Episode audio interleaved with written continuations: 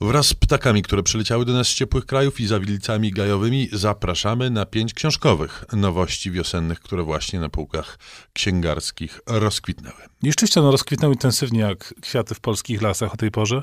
Aż trudno wybierać, ale pierwszym moim wyborem oczywistym y, i pełnym zachwytu jest powieść Daniela Galery pod tytułem Broda zalana krwią. To jest brazylijski pisarz.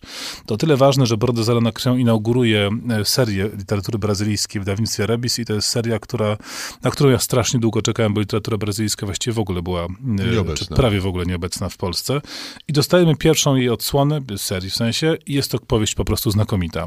Bohater nienazwany nigdy Brody zalanej krwią, to jest człowiek po przejściach, to brzmi banalnie, w ogóle jakbyś tak streściło, to to brzmi trochę w oczywisty sposób, bo tenże bohater wyjeżdża z Porto Alegre i przeprowadza się do takiej małej miejscowości na wybrzeżu atlantyckim, uprawia sport i zamierza tam sobie przeżyć przynajmniej spokojnie rok, oczywiście poznaje ludzi, jest miłość, jest kwestia zagadki z przeszłości, bo w tej miejscowości kiedyś zginął w bardzo niejasnych okolicznościach jego dziadek. Jest też kwestia no, takiej, takiej próby poskładania do kupy swojego życia, które, które mu się troszkę tak porozwalało, ale to też nie mówmy zbyt wiele. Ale jest to niesamowicie gęsto napisana powieść, w której się strasznie dużo mieści, bo Galera ma taki styl bardzo nośny, efektywny, dynamiczny. Tam są świetnie zrobione dialogi, ale też takie partie opisowe, czy pokazujące to, co dzieje się w głowie postaci. To jest bardzo takie energiczne. Tam nie ma, nie ma wolniejszych momentów. To wszystko leci w bardzo szybkim tempie ale zarazem doskonale pogłębia i postacie, i tło. Świetnie zrobiona, taka właśnie prowincjonalna Brazylia. Jest taką opowieścią o szamotaniu się trochę z losem, ale też pewnej takiej, pewnym fatum, które wisi nad tym bohaterem. No, jeśli to ma być zwiastun literatury brazylijskiej, to po prostu no, ja się absolutnie nie mogę doczekać tego, co będzie dalej. Następna książka to książka też pod wieloma względami jakoś e, nieobecna. Jacek Podsiadło to postać, do której jesteśmy przyzwyczajeni, e, ale przyzwyczajeni z takich e, powodów około literackich ostatnimi czasy, bo to wiadomo, że to ten pan, który sobie nie pozwoli, e, nie pozwala robić zdjęć, wiadomo, że to e, ten pan, który wydawał własnym sumptem e, poetyckie swoje tomy, a jak już wydał cudzym sumptem, to w nakładach zbliżonych do zera zgarnął wszystkie nagrody literackie liczące się w tym kraju dopiero co? A mam wrażenie, że mało kto spotyka się ze słowem przez tego pana pisanym ostatnimi czasy, a warto i proza, która nie jest taką absolutną świeżyn, świeżynką, ale pod skąpym, ale jednak śniegiem gdzieś przeleżała niezauważona. Życie, zwłaszcza śmierć w Wieprzowie Ordynackim, to proza. Proza Jacka Podsiadło, która jest kontynuacją, nawiązaniem do poprzedniej książki, ale można czytać ją spokojnie, bez lektury pierwszej. Szczególnie, że jak w tej książce autor przyznaje, wszystko wskazuje na to, że nakład został wyczerpany z powodu zmielenia przez wydawcę, więc jest to pozycja już niedostępna. Książka, mimo że nazwisko bardzo głośne, jakoś obecne w naszej literackiej świadomości, rzeczywiście była niezauważona. Jakąś jedną recenzję znalazłem w sieci, gdzie ktoś chwalił Jacka Podsiadłe za niezwykłą zdolność językową i z reguły jak ktoś chwali za niezwykłą zdolność językową, to znaczy, że nie ma za co książki pochwalić. W tym wypadku jest dokładnie odwrotnie. Jak chwalimy za zdolności językowe, to otwieramy w książce, której szkło jest szkłem, stołek jest stołkiem, a nawet takie piękne słowa jak źdźbła się nie pojawiają i nijak ma się to do Paska i Kochanowskiego. I, i rzeczywiście tu szkło jest szkłem, stołek jest stołkiem, język jest normalny, codzienny, niepozbawiony wulgaryzmów, natomiast opowieści są niesamowite, najróżniejsze, są to opowieści z życia wzięte, ale też nie z życia. Pojawia się na przykład e, król Artur w bardzo przedziwny sposób, pojawia się też e, Phineas Fogg e, i cała masa innych postaci rzeczywistych i nierzeczywistych. No i e, duża e, doza podsiadłowego, takiego anarcho-sceptycznego, e, ironicznego humoru.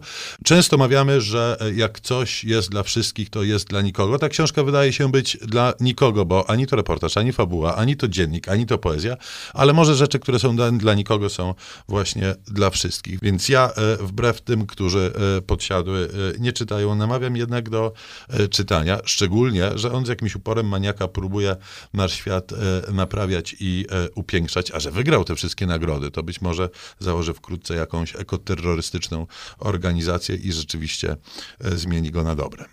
No a do nowości kwietniowych wrócimy za chwileczkę.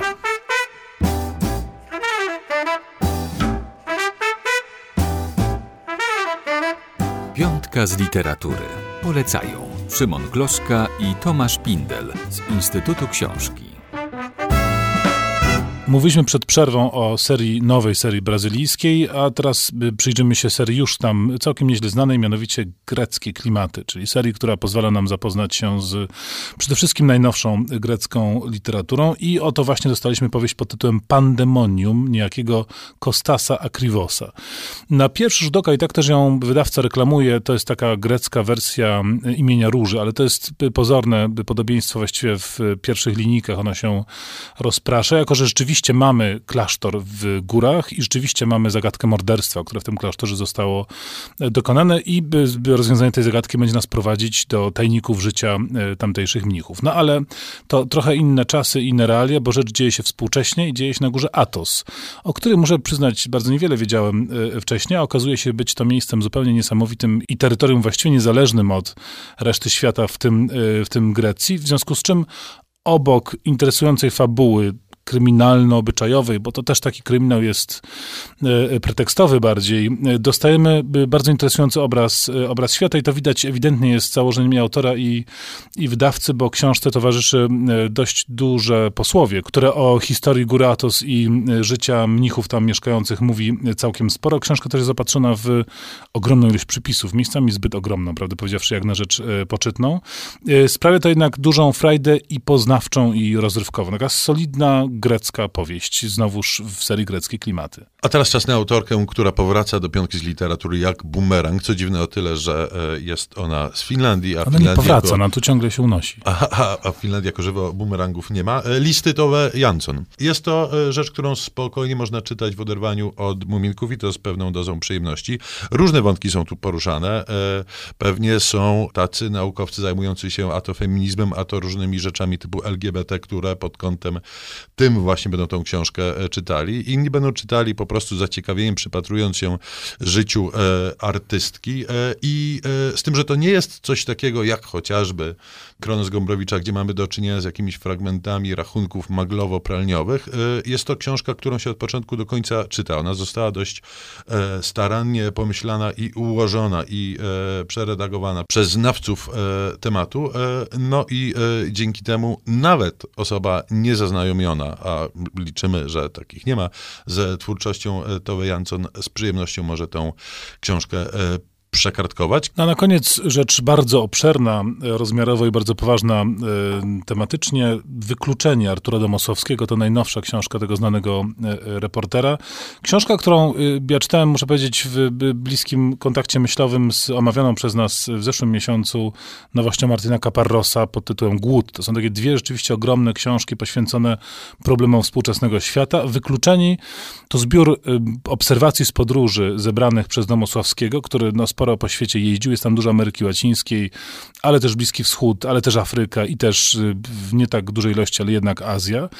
I wspólnym tematem y, tych poszczególnych rozdziałów w różnych częściach świata się dziejących jest właśnie kwestia ludzi wykluczonych. Tych, którzy pozostają jakby na marginesie, y, o których się zapomina, którzy z różnych przyczyn są właśnie wykluczani z normalnego społeczeństwa. I to słowo wykluczeni, ten termin Domosławski traktuje bardzo szeroko, bo dotyczy to zarówno takich, zdawałoby się, oczywistych grup, jak Y, ludzie ubożsi, głodujący, czy jakieś mniejszości etniczne, ale również w takim znaczeniu szerszym, pokazującym jednak pewne mechanizmy i działanie tego świata. To jest taka książka napisana mozaikowo, bo skaczemy po globie, ale zarazem każdy z tych rozdziałów zaopatrzony jest w taki podrozdział pod tytułem Poza kadrem, w którym Domosławski stawia pytania, zastanawia się nad fachem reportera i w ogóle nad tym, co robić z problemami tego świata, więc jest tam też taki element meta reportażu. Dostajemy grubą, ponad 500-stronicową książkę, która jest takim kolejnym właśnie wyzwaniem nie tylko do czytania, ale do solidnego przemyślenia. No właśnie, a jak powszechnie wiadomo, najlepszym antidotum na wykluczenie jest wkluczenie. A wkluczenie najłatwiej osiągnąć za pomocą